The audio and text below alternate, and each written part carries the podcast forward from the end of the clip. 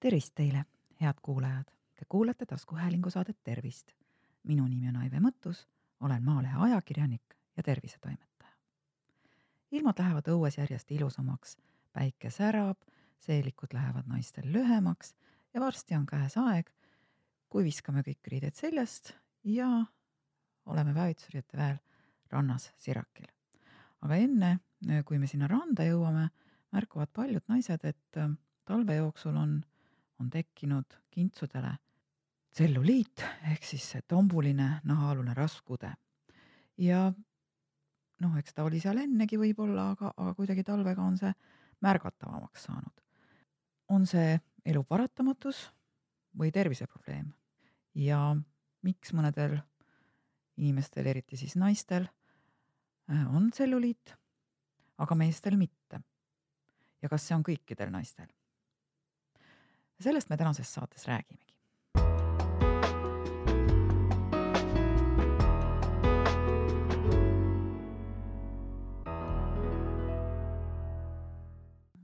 kosmeetikud, toitumisspetsialistid ja igasugused erinevat sorti ravitsejad väidavad ühtepuhku, et tselluliiti põhjustab rafineeritud ja töödeldud toiduainete ületarbimisest ning vähesest juur- ja puuviljade söömisest tekkinud toksiliste ainete kuhjumine nahaalusesse koesse. seal tekivad vee, rasva ja jääkainete tühimikud, mis siis andvadki nahale sellise lohklise apelsinikoore efekti. samas pole aga see teooria, et tselluliit on organismi sisemise saastumise kuhjumine naha alla tombukeste näol mingit meditsiinilist tõestust leidnud. ja sporditeaduste magistri Merle Rehandi sõnul on enamik äh, arste ja teadlasi hoopis üksmeelsel seisukohal, et tegu on täiesti tavalise nahaaluse rasvkoega, mis ei viita mitte kuidagi kudedesse kuhjunud salapärastele mürkidele. aga mis see rasv siis on ja kuidas ta meil organismis laiali jaotub?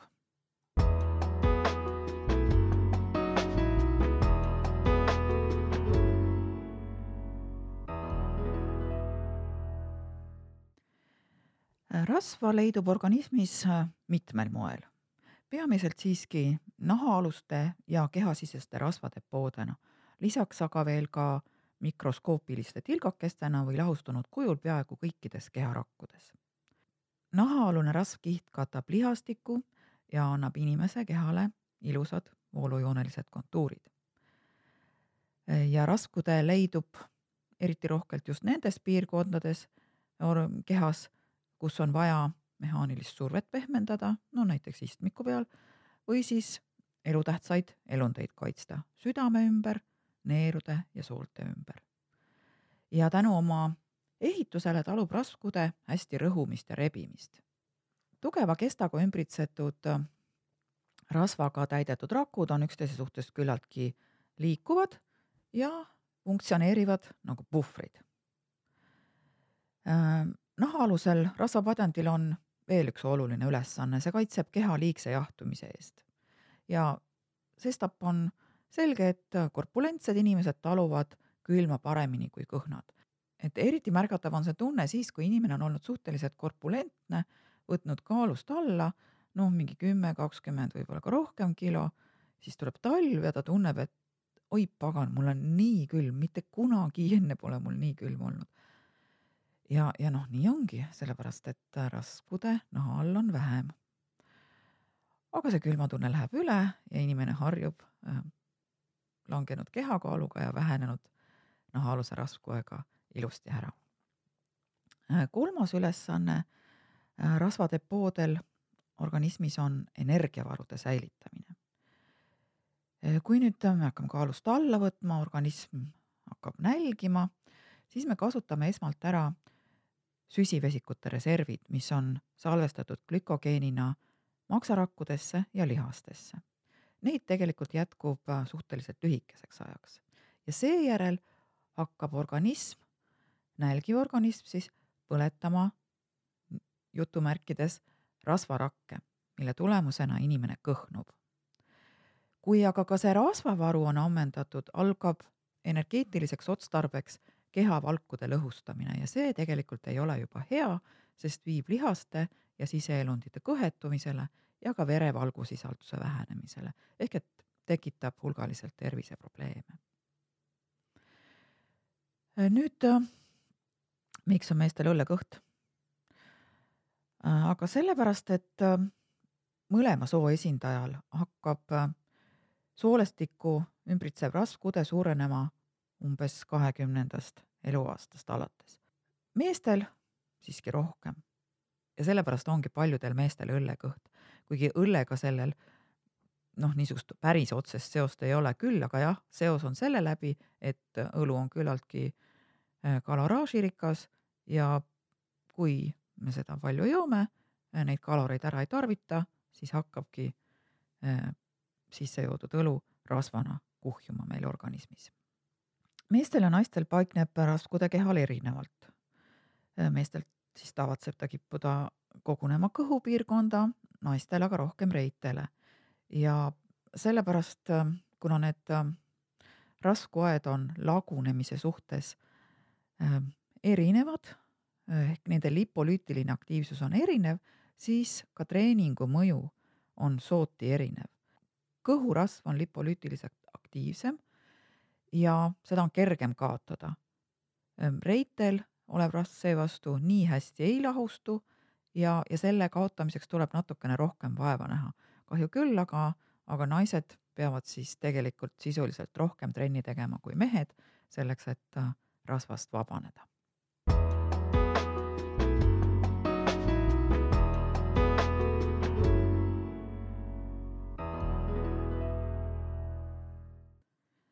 nii, aga nüüd äh, tagasi tselluliidi juurde.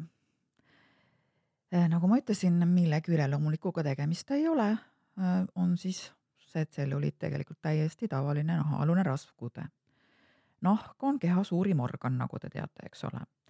ja tselluliidi teke naha all on seotud kehas toimuvate pärilike, ealiste ja hormonaalsete protsessidega nii et isegi saledatel naistel mm, võib puusadele ja reitele koguneda nahaalust rasva.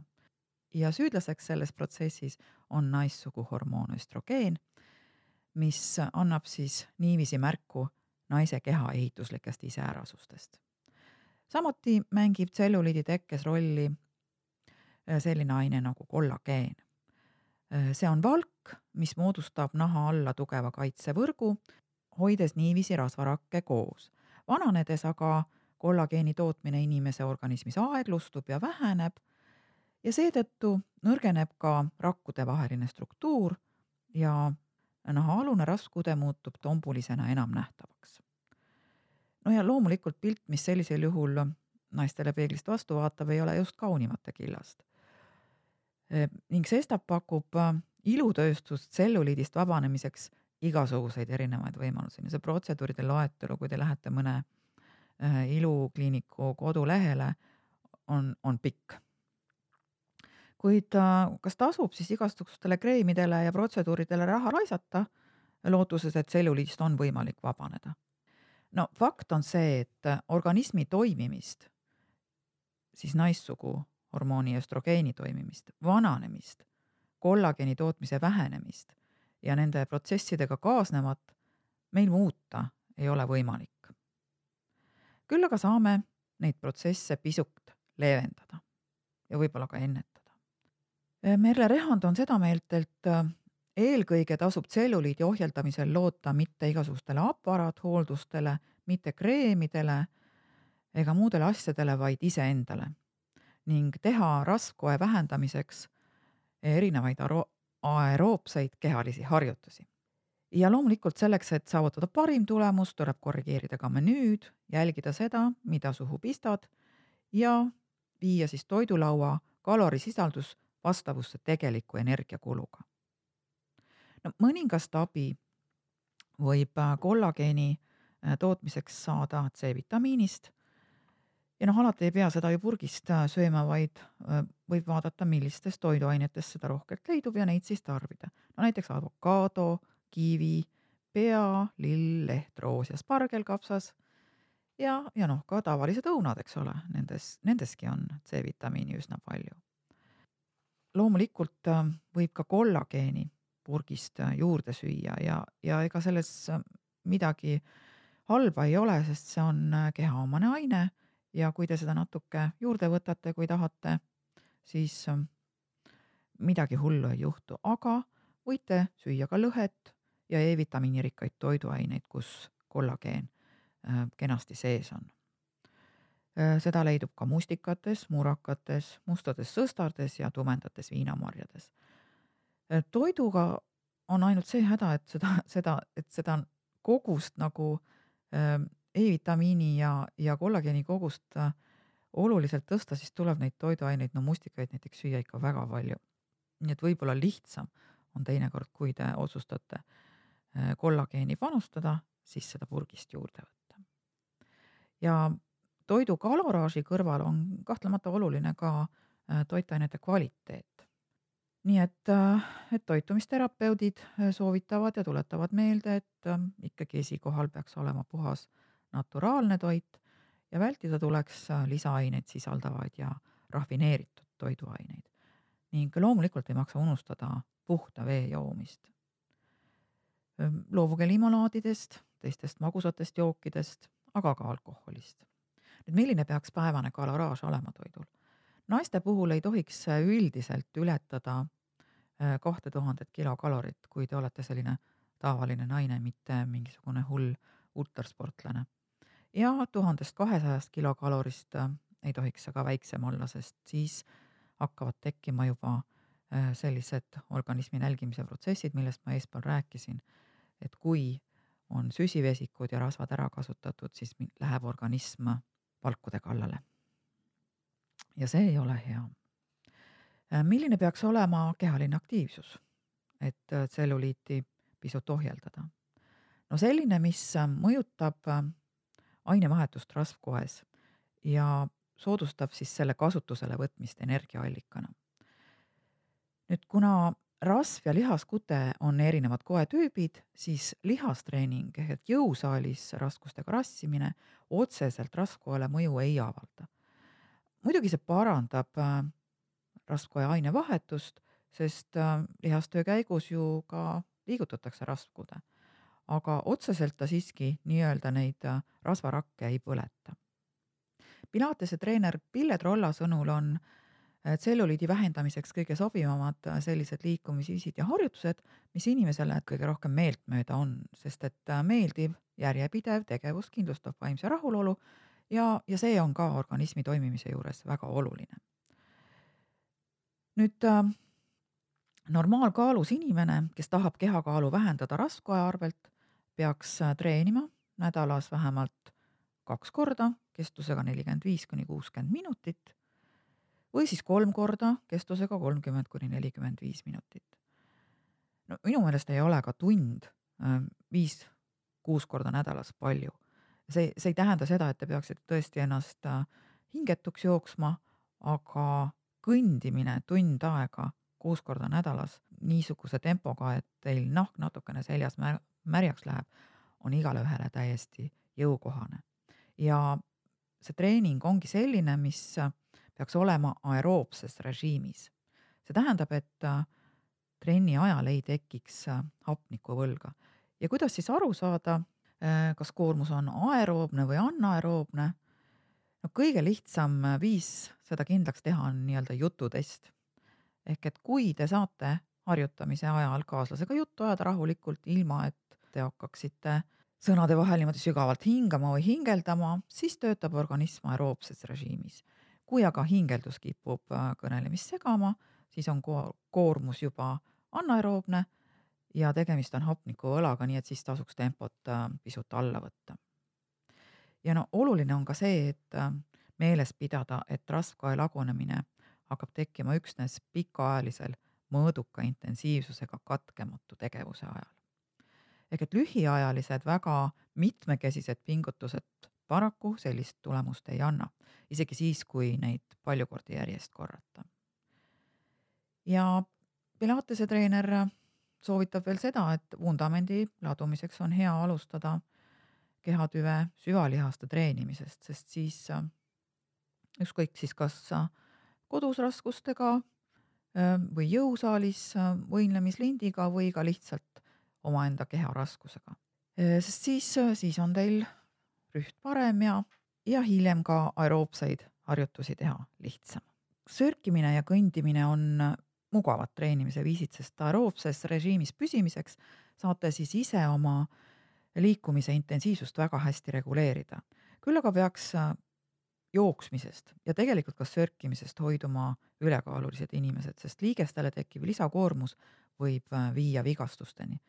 Äh, möödunud nädalal lugesin ma ühte uudist, ma ei mäletagi, millisest ajakirjast, kus üks mees rääkis, et ta kaalus sada seitsekümmend kilo ja nüüd on aasta jooksul alla võtnud kuuskümmend kilo, ootab pikki-pikki silmi kevadet, kaalub praegu sada kümme kilo ja ootab kevadet just sellepärast, et maa taheneks, et saaks tossud jalga tõmmata ja jooksma minna. noh, päris õudne tegelikult minu meelest, et see mees küll veel joosta ei tohiks. Peaks veel üsna mitukümmend kilo enne alla võtma, seda enam, et ta tegelikult ju pikki-pikki aastaid ei ole üldse mitte mingisuguse trenniga tegelenud. nii et ma loodan, et tal tuleb enne seda, kui ta jooksma hakkab või vähemalt esimese jooksutrenni ajal pähe mõte, et, et kõnniks pigem. ja Merle Rehand ütleb, et äh, tõesti, kui kehakaal ületab normi kakskümmend kilogrammi, siis tervisejooksu ette võtta ei tohiks. Ja viitab ka sellele, et algajatel tervisejooksjatel, kes treenivad enam kui kolm korda nädalas ja rohkem kui kolmkümmend minutit korraga, tekivad ikkagi üsna sageli jala- ja põlvevigastused.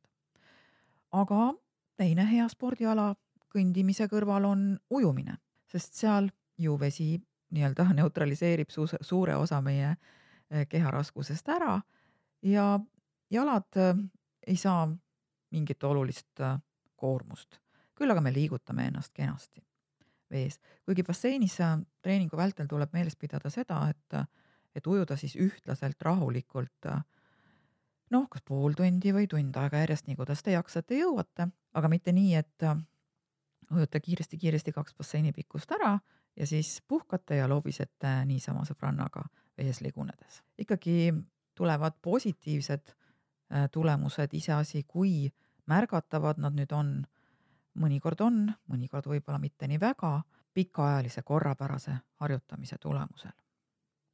ja, ja et seda, mida saavutatud, hoida, siis äh, tuleb seda trenni ikka jätkata ja isegi kui tselluliit äh, nüüd tõesti sentimeetrite kaupa ei vähene, siis äh, kõndimisest saate te endale kindlasti hea tuju ja mõnusa enesetunde. nüüd aga, mida arvata kõikidest nendest aparaathooldustest ja, ja kas tasub tselluliidist vabanemiseks siis sinna ilukliinikusse pöörduda? no tõenäoliselt nad ikkagi annavad mingisuguse efekti, sest kui neil üldse toimet poleks, siis, siis inimesed neid ju ka ei kasutaks. aga see efekt on tõesti suhteliselt lühiajaline, kui te pöördute tagasi endiste eluviiside juurde, siis paraku tuleb tagasi ka tselluliit. Nüüd ainus teaduslikult tõestatud meetod, millega tselluliiti õnnestub vähendada, on rasvaimu ehk siis operatsioon, mis kuulub äh, esteetilise kirurgia valdkonda ja seal siis tõesti selle jooksul mehaaniliselt naha alt imetakse rasvkude välja ja need rasvarakud, mis seal olid, enam tagasi ei teki. väidetavalt on teine selline teaduslikult tõestatud äh, meetod krüolipolüüs, uus asi, mõni aasta äh, turul olnud. tõesti ei oska teile öelda, kas ja kui suur see teaduslik ähm, tõendus selle taga on, sest et ähm, küll väidetakse, et on, aga sellega võib olla samamoodi nagu äh, toidutalumatuse testidega. et ettevõtted neid pakuvad ja väidavad, et äh, kindel teaduslik tõendus on taga, aga just selle nädala Maalehes ja on lugu siis nendest toidutalumatuse testidest ja doktor Krista Ress, allergoloog, immunoloog, ütleb, et et need viidatud kaks uuringut, mida kasutatakse tsütotoksiliste toidutalumatuse testide siis nii-öelda promomiseks ja peaksid nende testide sobilikkust tõestama, ei ole tegelikult kaasaegsete tõenduspõhiste allikatena pädevad. Ühes uuringus osales ainult viisteist inimest, viisteist, ma rõhutan, kellest kolm uuringu käigus sellest loobus ja teises vaid kolmkümmend kaheksa inimest nii et äh, kummagi uuringu tulemusi ei saa hinnata statistiliselt oluliseks leiuks ja kummagi puhul pole ka võimalik ähm, vältida juhuslikkust. seega on teile siis koduseks ülesandeks nüüd äh, uurida, kas krüoglüpolüüs, mis väidetavalt äh, vähendab tselluliti sama efektiivselt kui rasvaimu, on teaduslikult tõestatud meetod või mitte. seniks aga teile tõhusat liikumist, kevade nautimist ja olge toredad. head kuulajad, te kuulasite taskuhäälingu saadet Tervist. saate leiate Delfi podcastide pesast tasku, nutirakenduste Spotify, Apple Podcasts, SoundCloud ja teised. hakake jälgijaks ja kuulake just teile sobival ajal. ettepanekuid teemade kohta, mida saates käsitleda, ootan teilt e-posti teel aadressil tervist.maaleht.ee. minu nimi on Aive Mõttus olen Maalehe ajakirjanik ja tervisetoimetaja. tervist teile!